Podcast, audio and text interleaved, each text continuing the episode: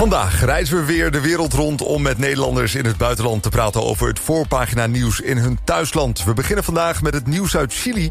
Alfred Middelkamp woont namelijk daar. Alfred, uh, voor ons is het goedemorgen. Wij zitten nog midden in de nacht. Ah. Het is hier uh, één uur. Oké, okay, nou, voor jou dan. Uh, er is deze week een, een groot meerdaags songfestival bezig op het uh, de hele Zuid-Amerikaanse continent. Maar dat is niet te vergelijken met uh, het Eurovisie Songfestival wat wij kennen, hè? Wat houdt het daarin?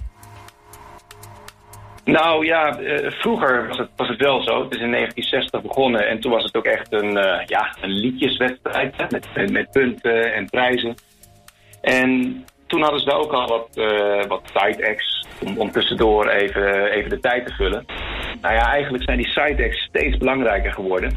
Dus, dus waar voorheen uh, de, de, de formele artiesten de overhand hadden en af en toe eens een leuke side act was, gaat het nu eigenlijk alleen nog maar over die side. Dat zijn de, de grote internationale artiesten. Daar kijken honderden miljoenen mensen naar uh, op, op het continent. En ja, uh, die, die, dat zijn de partijen naar kijken. Die liedjeswedstrijden zijn nog maar bijzaak.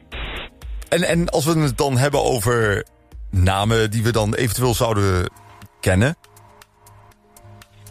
Welke grote namen treden daarop?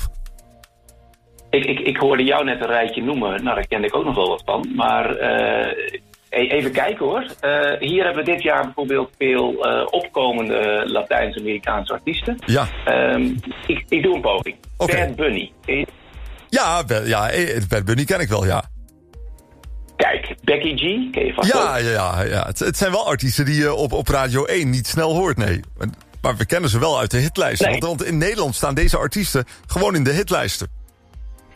Kijk, nou, nou die zin in Jan Del ken je natuurlijk ook wel. Ja. Maar het zijn ook echt de, de, de grote jongens. Uh, Mark Anthony. Ja. Die, uh, die treedt ook op. En nou, de klapper van, van dit jaar, dat zijn de Backstreet Boys. Die zijn natuurlijk helemaal niet Latin, maar die komen ook. Wat grappig. Een soort uh, reunie van de, van de Backstreet Boys.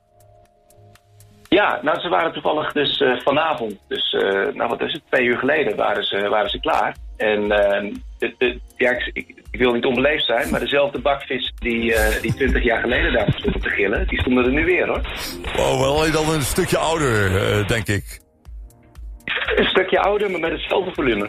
Ja, oké, okay, nou, vet hoor. Um, maar, maar het publiek, heeft dus ook een hele grote rol, begreep ik daar, bij dat uh, songfestival daar. Ja, je moet je voorstellen dat hier, als je het als Latin-artiest wil maken... dan moet je een keer op Viña del Mar optreden en dan moet je het goed doen. Het is ook allemaal live, uh, geen, uh, geen playback acts. en dat publiek, omdat het allemaal van die coming act zijn is gewoon ontzettend kritisch. 15.000 man in, in een groot stadion. En als je daar, nou, als je het goed doet, helemaal top. Maar je moet je voorstellen, je, je, moet daar een show doen van een uur. Dus je hebt dat ingestudeerd, je hebt je dansjes, de, de, de volgorde van je nummers. En als je het dan goed doet, dan begint zo'n publiek begint dan ineens te joelen.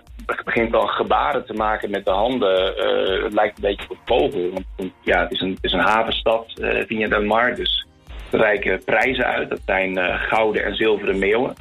Maar ineens midden in de act komen de twee presentatoren het podium op. En dan krijg je echt, letterlijk midden in je show krijg je een prijs uitgereikt. En nou, pak een zilveren meeuw, het gaat redelijk. Pak een gouden meeuw.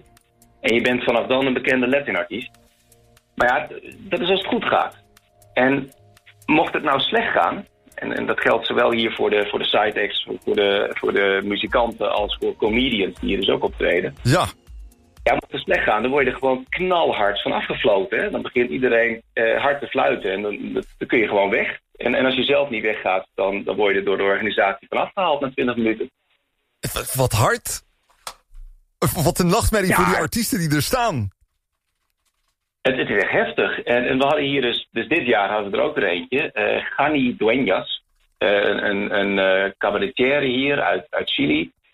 Uh, ontzettend bekend geworden doordat zij een show op, uh, op Netflix had. Die door iedereen is geprezen als van nou dat is een van de shows die je echt moet zien. Maar ja, uh, eerst kwam Mark Anthony. 15.000 man aan het dansen, groot feest. Ja. En daarna mocht zij moppen gaan tappen. Ja, oh. natuurlijk lastig. En nou, het, het is gênant. Echt waar. Je zit met, met, met kromgetrokken tenen te kijken naar iemand die 30 minuten lang probeert om, om leuke grappen te vertellen, terwijl ze aan alle kanten uitgefloten wordt. Ze had nog een soort plan B. Uh, ze zei op een gegeven moment: Zal ik dan nu vertellen over de, de Tinder-date die ik had? En, en dan roepen duizend mensen: Nee! En, ja, en, en uiteindelijk zei ze: kan, iemand me komen redden? En, en ze werd uh, het podium afbegeleid. Nou, die heeft echt een, een paar nachten heel slecht geslapen, denk ik. Ja, nou ja, ze, deed er zelf nog vrij luchtig over. Maar je moet je voorstellen hoor, het is hier echt... De hele week gaat het hier over. Het is niet alleen uh, de avond, uh, het concert. Het is ook gewoon de ochtend, de middag, voorbeschouwing, nabeschouwing.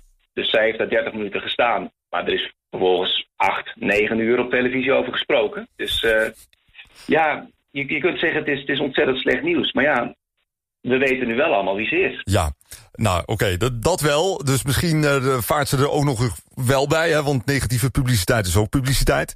Um, Mark Anthony, voor de mensen die hem niet kennen, ik wil daar even een klein stukje van laten horen. Vivir mi vida.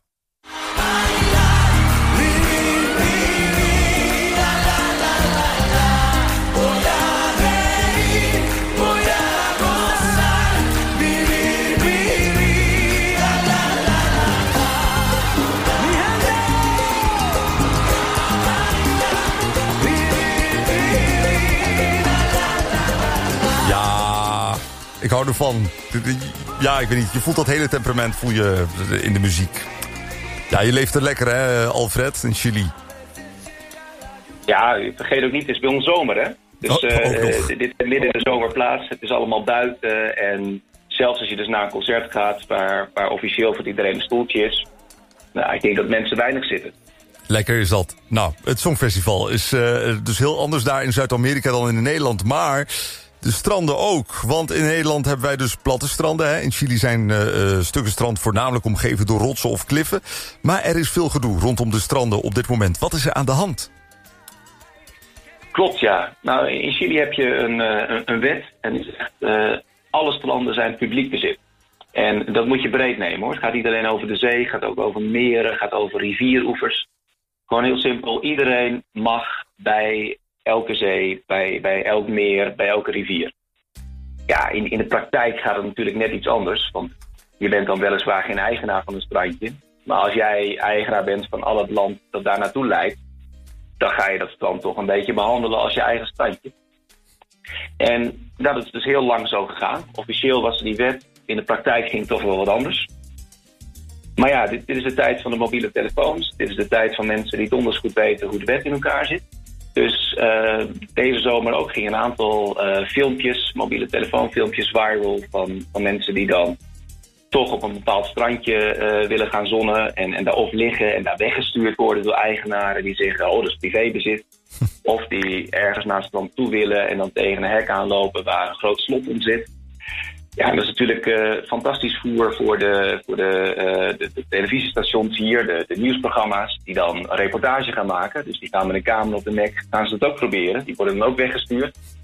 Ja, en, en, en, en dan is de boot aan. Smeuige televisie uh, levert dat op. Precies. voorheen werd dat dan een beetje gebagatelliseerd. maar we hebben nu een, een staatssecretaris die daar, die blijkbaar heeft bedacht van nou, daar kan ik mij mooi bij, bij profileren. Dus die ging vervolgens ook met een televisiestation erbij uh, naar, naar de eerste beste uh, locatie toe waar dat het geval was. Met, met grote betonscharen om die hekken open te knippen. En die stond daar trots met opengeknipte handsloten op het strand. Om te laten zien van ja jongens, het strand is van iedereen. Een grote helder toch.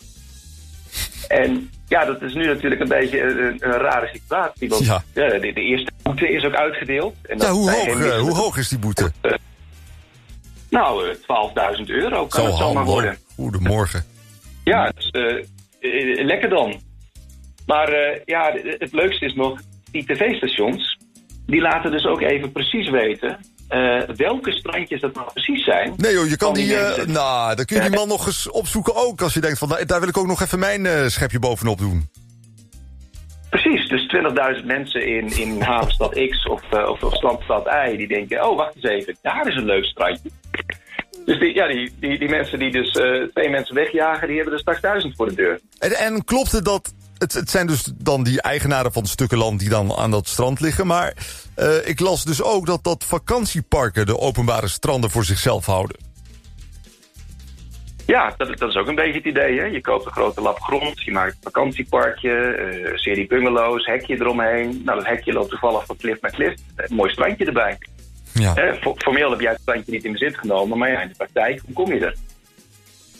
Ja, nou oké. Ja, oké, dus dat is dan het strandenverhaal. Maar dat uh, lost zichzelf op, uh, hoor ik zo. Uh, mensen die komen er uiteindelijk toch wel. Um, nu is er ook nog een advocaat in Chili, Christian Rosell, Rosselló... die zichzelf heel wat vindt, hè? Alleen nu valt hij flink door de mand.